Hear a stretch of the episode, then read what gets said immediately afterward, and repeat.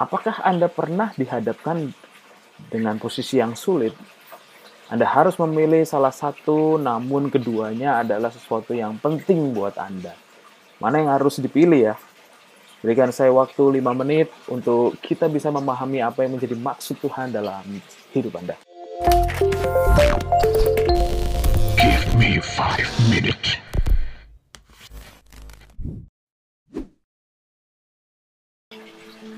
Keputusan yang salah dapat mengakibatkan dampak yang buruk dalam kehidupan.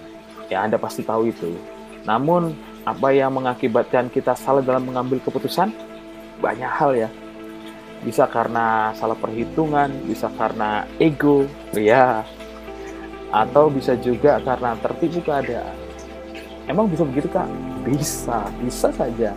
Coba saja Anda perhatikan berapa banyak orang yang terperdaya oleh investasi bodong.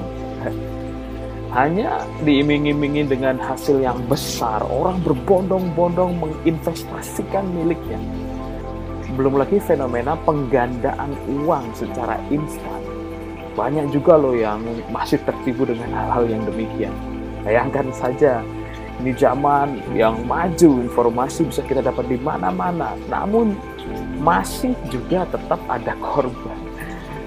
Orang pengen banget cepat kaya supaya dapat lebih cepat meraih keinginannya. Ah, manusiawi memang.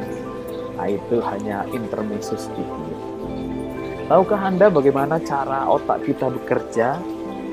Ya, betul.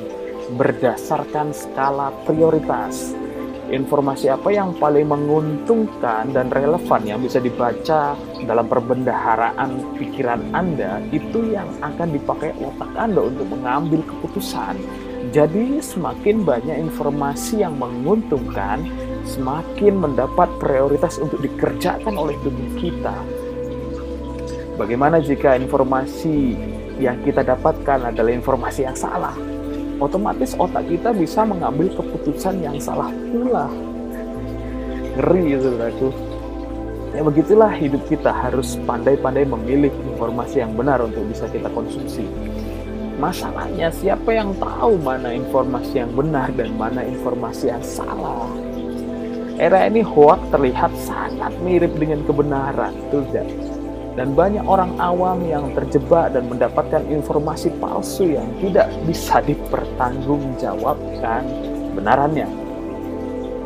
Inilah yang menguntungkan kita diangkat menjadi anak oleh Tuhan. Kita punya firman yang dipastikan seribu persen akurat yang dapat menuntun Anda dalam menjalani hidup serta membantu Anda ketika mengambil keputusan.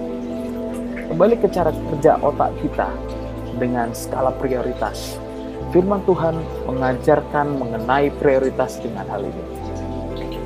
Matius 22 ayat 37 sampai 40 mengatakan, jawab Yesus kepadanya, kasihilah Tuhan Allahmu dengan segenap hatimu dan dengan segenap jiwamu dan dengan segenap akal budimu.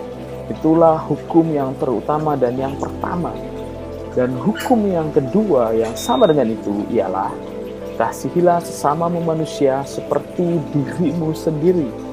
Pada kedua hukum inilah tergantung seluruh hukum Taurat dan kitab para nabi. Kita sudah pernah membahas hal ini, saudaraku. Kita tahu bahwa manusia sering salah dalam mengambil keputusan. Dan biasanya keputusan yang salah mengakibatkan kesalahan yang lain pula.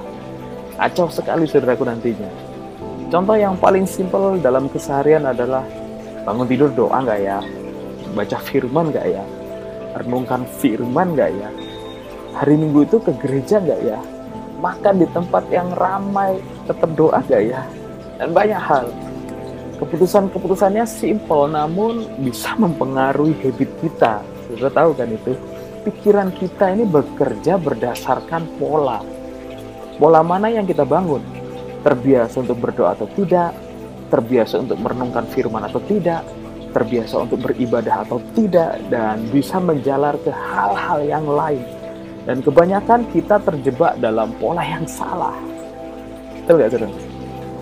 Oleh sebab itu firman Tuhan mengajarkan dengan sangat sederhana. Dua hal yang mempengaruhi seluruh hidup Anda. Yang pertama adalah kasihilah Tuhan Allah dengan segenap yang ada padamu, yaitu hati, jiwa, dan akal budimu. Dan prioritas yang kedua adalah kasihilah sesamamu seperti mengasihi diri. Tuhan berkata bahkan seluruh hukum Taurat dan kitab para nabi tergantung pada kedua hukum ini.